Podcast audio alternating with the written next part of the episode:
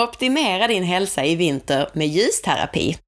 Ett smidigt nytt sätt att använda ljusterapi är med Humalight. Ljusterapi från en liten skärm som du har på dig medan du gör dig i ordning på morgonen.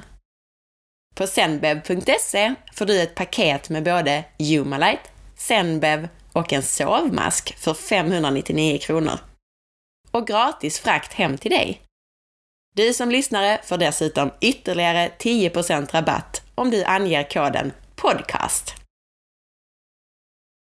Hej och välkommen till For Health med Anna Sparre. Det var länge sedan vi hade lyssnarfrågor på agendan här, så att idag ska jag besvara lyssnarfrågor om allt från nötmjöl till hur man faktiskt gör för att äta naturlig mat. Om du är nyfiken efter avsnittet så hittar du mer information på forhealth.se. Om du gillar det här avsnittet så blir jag jätteglad om du vill dela med dig av det på Facebook, Instagram eller till en vän. Ju mer du lyssnar, delar och recenserar, desto bättre går det att hålla podden levande med en massa gratis information och intressanta intervjupersoner. Stort tack på förhand! Du kan också boka mig som föreläsare. Jag föreläser bland annat för företag, förskolor, idrottsföreningar och privata grupper.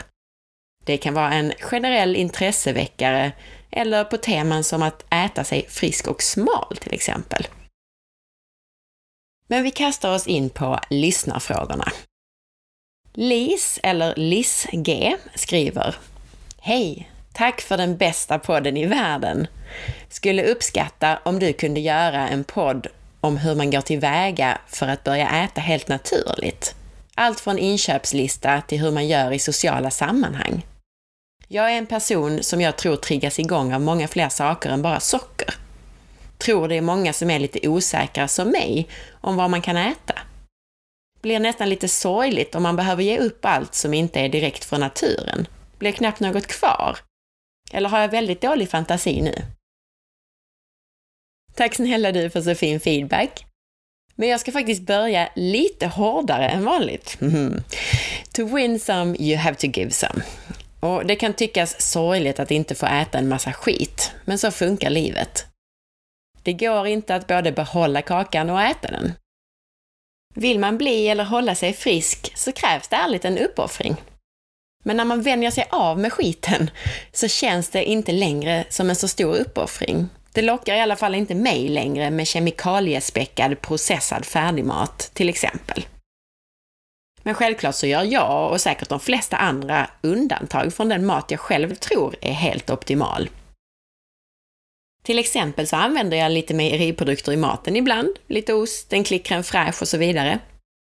Och serveras det glutenfritt så smakar jag ibland när jag blir bjuden, även om det skulle innehålla lite väl mycket carbs eller ja, det kan vara ett raw food snack baserat på dadlar, eh, som jag åt för någon vecka sedan till exempel.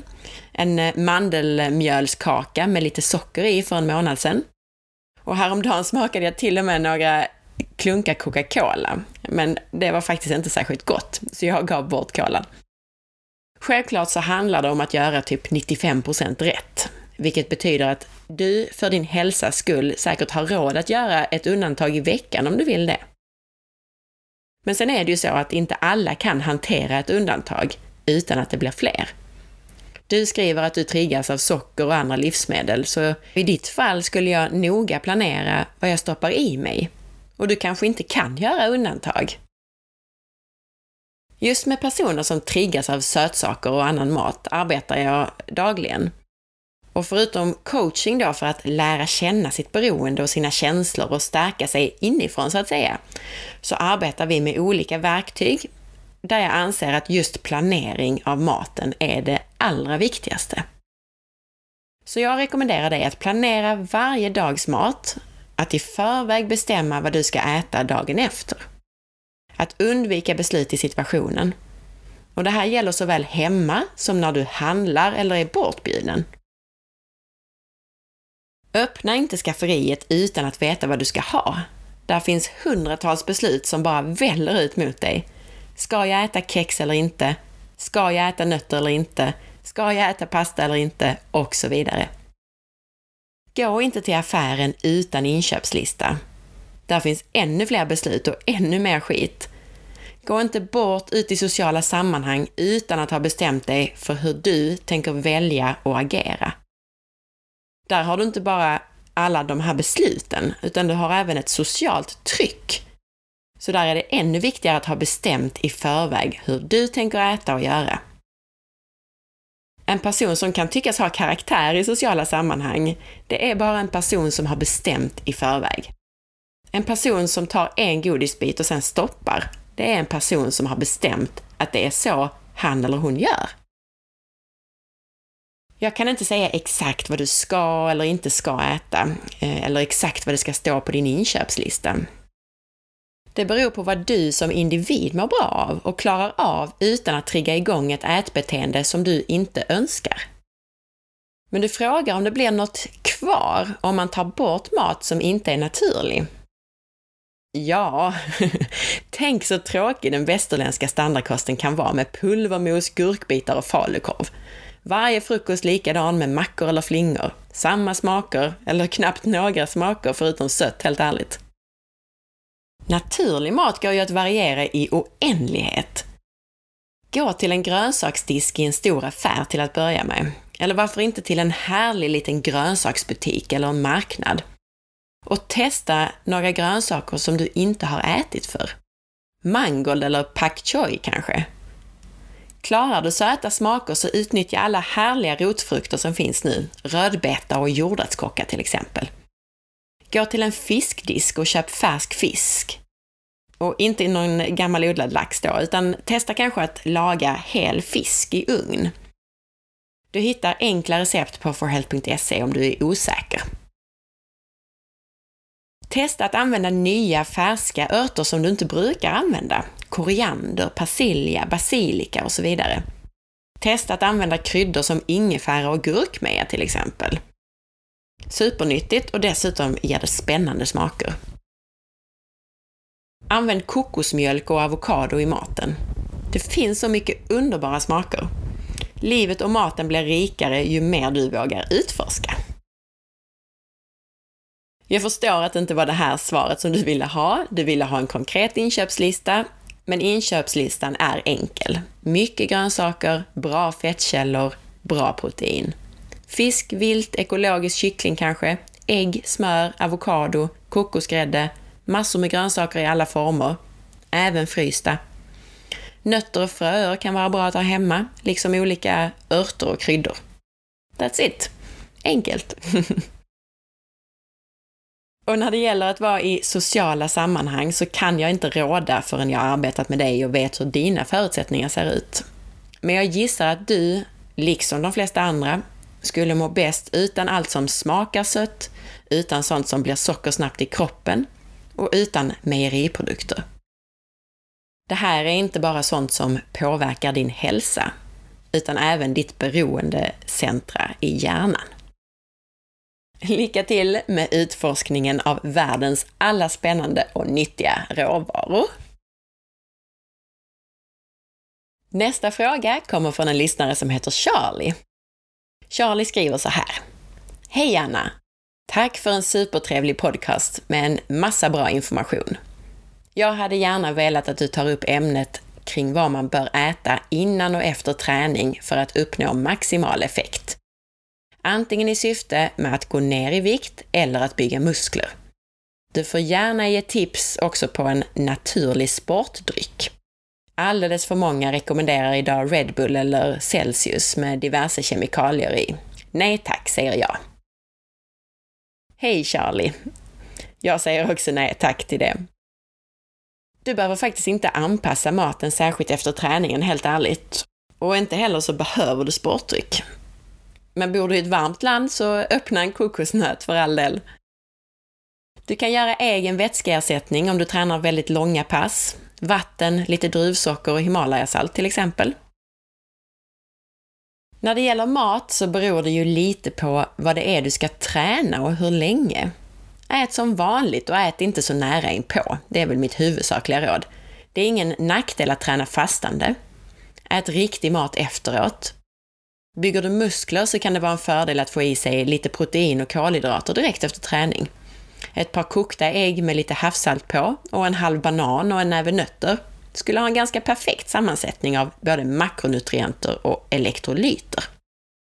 Lyssna också på intervjun med Jonas Bergqvist i avsnitt 38 och med idrottarna Jonas Kolting och Anna Eriksmo i avsnitt 47 respektive 55 så får du mer tips på det här. Nästa lyssnare heter Jenny och hon skriver så här. Hej! Jag har en fråga om majonnäs. Eftersom den bygger mycket på växtoljor så kan den inte vara så evolutionärt anpassad för oss. Det borde bli konstig fördelning mellan omega-6 och omega-3, eller? Hej Jenny! Jag tror att jag tog upp det här i avsnitt 30 om fetter. Men det stämmer att majonnäs gjord på vegetabiliskt fett får en dålig fördelning mellan omega-3 och omega-6 fettsyror. Olivolja är en av få växtoljor som är riktigt bra, men tyvärr så ger den en väldigt skarp smak på majonnäsen. När jag själv gör majonnäs så använder jag dels en kallpressad rapsolja. Rapsolja är lite bättre än andra växtoljor i fördelning mellan omega-3 och omega-6. Jag brukar dessutom byta ut en del av rapsoljan mot olivolja. Man kan även göra en sorts majonnäs på kokosolja, som är helt överlägsen andra vegetabiliska oljor rent hälsomässigt. Kokosoljan alltså. Lyssna på avsnitt 43 där jag tipsar om det här, eller sök efter majonnäs på forhealth.se så delar jag med mig av de här recepten, eller mina recept på majonnäs. Jag rekommenderar inte köpemajonnäs, men köper man någon gång så se åtminstone till att den är gjord på rapsolja. Så att det inte bara står vegetabiliskt fett menar jag då. Och den sista frågan den är från en lyssnare som heter Ida. Och Ida hon skriver så här. Intressant, håller mig på ditt spår angående kosten och ska försöka få in familjen på samma spår. Länkade de en mängd av dina podcasts, bland annat den om de fel man ofta gör vid LCHF. Fantastiska avsnitt som alltid. Funderade även över mandel och eller kokosmjöl vid stenåldersaktig kost samt elimineringskost där nötter etc. ska uteslutas. Vad anser du om det? Är det mjöl som mjöl eller mandlar och kokos som i nöt? Äter riven kokos och torkade kokoschips nämligen. Hej Ida! Och tack för dina fina ord för, och för att du delar med dig av podcastavsnitt som du gillar. Det uppskattar jag verkligen. Jag pratar ju utifrån mina personliga åsikter baserat på min kunskap. Och mandel och kokosmjölk tycker jag går bra att använda ibland. Både mandel och kokos är ju kost som kan räknas som evolutionär eller stenålderskost. Men det är lätt att det blir väldigt mycket om man dagligen äter saker som är gjorda på mandelmjöl till exempel. Jag tror inte så många stenåldersmänniskor fick tag på färdigmalt mandelmjöl på påse, eller hur? Ät hellre en näve mandlar om dagen till exempel och kokoschips och riven kokos är ju utmärkta snacks. När jag pratar om att undvika mjöl så syftar jag på spannmål, inte nötmjöl. Dels för att våra kroppar har svårt för att ta hand om spannmål och dels för att det är tom energi och snabba kolhydrater i vanligt mjöl. Nötmjöl är snällare och det är mer näringsrikt. Men ska du äta en elimineringskost och utesluta nötter och fröer för att se om du blir bättre utan, då måste du också undvika nöt och frömjöl, som alltså mandelmjöl och de här sakerna. Så jag hoppas att ni fick svar på några av era frågor idag. Tack så jättemycket för att du lyssnade. Missa inte att följa med på forhealth.se och på facebook.com forhealth.se och på Instagram under asparre. Gå gärna in i iTunes eller din app på mobilen och lämna betyg och recension. Och glöm som sagt inte att tipsa andra om podden om du gillar den. Varför inte dela en länk på Facebook till exempel? Vi hörs om en vecka! Ha en riktigt bra dag och jag hoppas att den kommande veckan blir riktigt härlig och hälsosam. Hej då!